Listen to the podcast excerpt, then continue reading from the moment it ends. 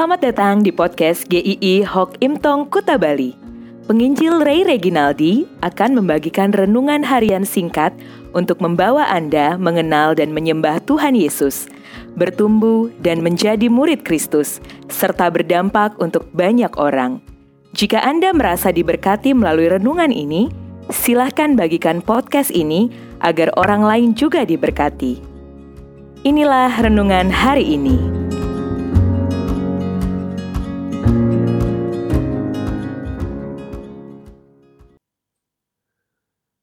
Sebelum aku melihat. Yohanes 20 ayat 24 sampai 29. Yohanes 10 ayat 25 berkata,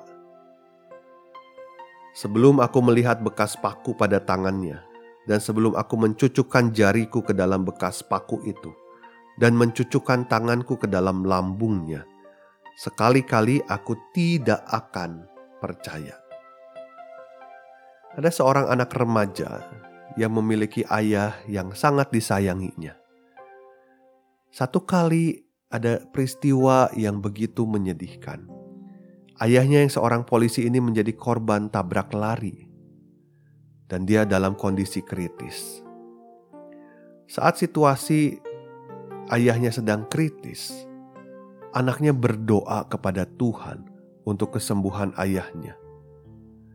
Tetapi yang terjadi adalah justru sang ayah meninggal dunia. Anak remaja ini begitu marah kepada Tuhan. Dia kecewa kenapa Tuhan tidak menyembuhkan ayahnya. Bahkan dia berpikir bahwa Tuhan itu sebenarnya tidak ada. Peristiwa pahit sering kali menggiring seseorang pada kekecewaan terhadap Tuhan. Keraguan itu muncul bukan karena pengetahuan teologisnya, tetapi karena kepahitan hidup itu menutupi matanya, seperti Tuhan tidak memberikan bukti seperti yang diinginkan. Banyak orang yang kecewa kepada Tuhan karena mereka merasa tidak melihat hasil dari doanya tidak melihat Tuhan mengubah situasi, tidak melihat Tuhan membuka jalan untuknya. Ada sebuah pertanyaan yang menggelitik ketika membaca perikop dari Yohanes 20 ini. Mengapa Thomas bisa ragu? Siapa Thomas? Dia murid Kristus.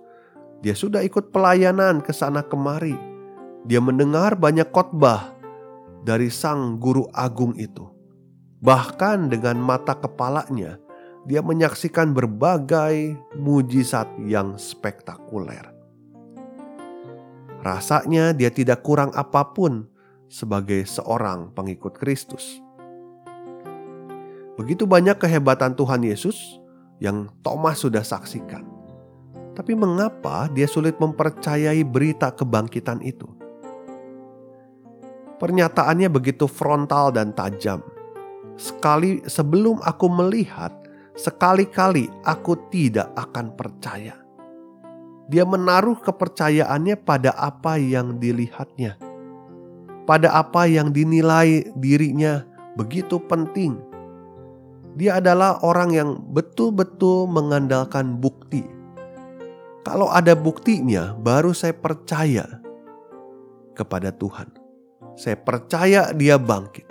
Kalau saya melihat lubang di tangannya, mencucukkan jari saya ke dalam tangannya, baru saya percaya. Atau dengan kata lain, kalau tidak ada semua bukti itu, saya nggak percaya dia bangkit. Memang tidak dicatat Thomas melihat Yesus disalib.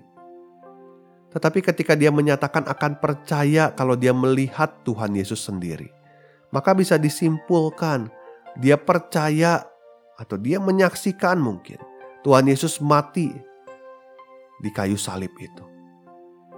Ini yang membuatnya ragu. Kenyataan yang dia lihat itu terlalu pahit, tidak seperti yang dia pahami selama ini. Di satu sisi, dia pernah mengalami Tuhan Yesus begitu hebat, tetapi dalam pandangan yang terakhir, memori terakhirnya bersama Tuhan Yesus saat itu. Tuhan Yesus mati, tidak berdaya, bahkan layaknya seorang penjahat.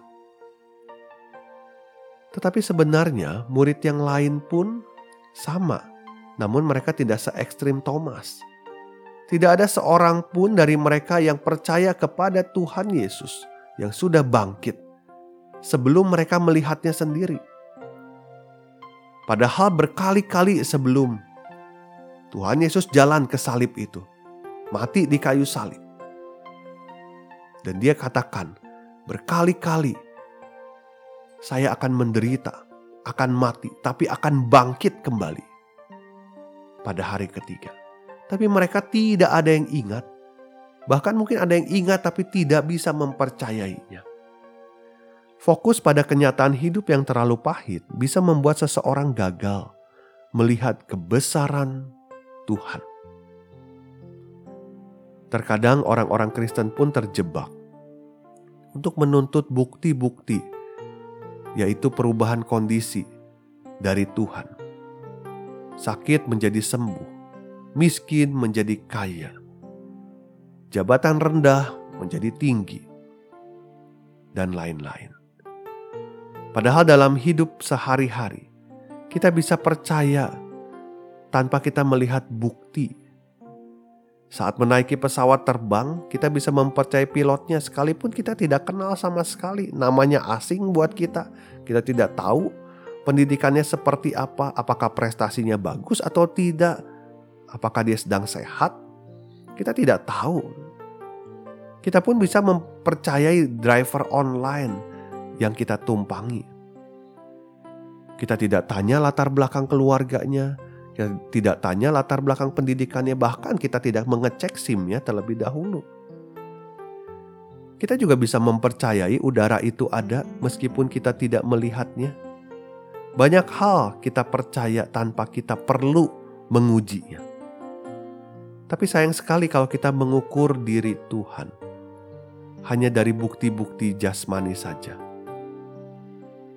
Kalau kita sehat, kalau bisnis lancar, kalau anak-anak bisa sekolah di luar negeri, di situlah baru kita katakan saya percaya Tuhan Yesus hadir.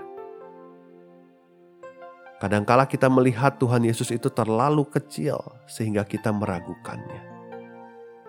Padahal bukti paling nyata adalah dia sudah mengorbankan dirinya. Dia menunjukkan kepada Thomas bahwa dia sudah bangkit. Dia adalah kehidupan. Dia yang memastikan kita tidak ada di dalam penghukuman yang kekal.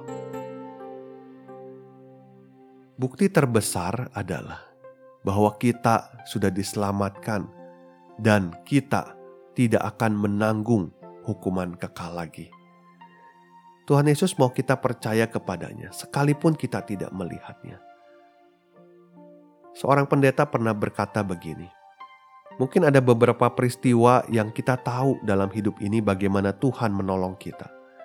Tetapi sesungguhnya ada berjuta-juta peristiwa di mana tangannya menopang dan menolong kita dan kita tidak mengetahuinya.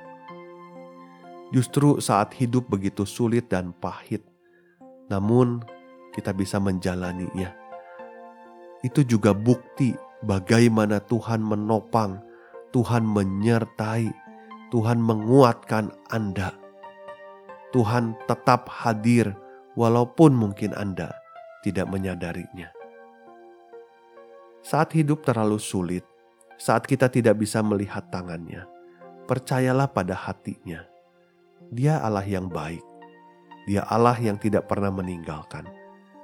Jangan ragu lagi, percaya kepadanya sekalipun kita tidak melihat. Amin.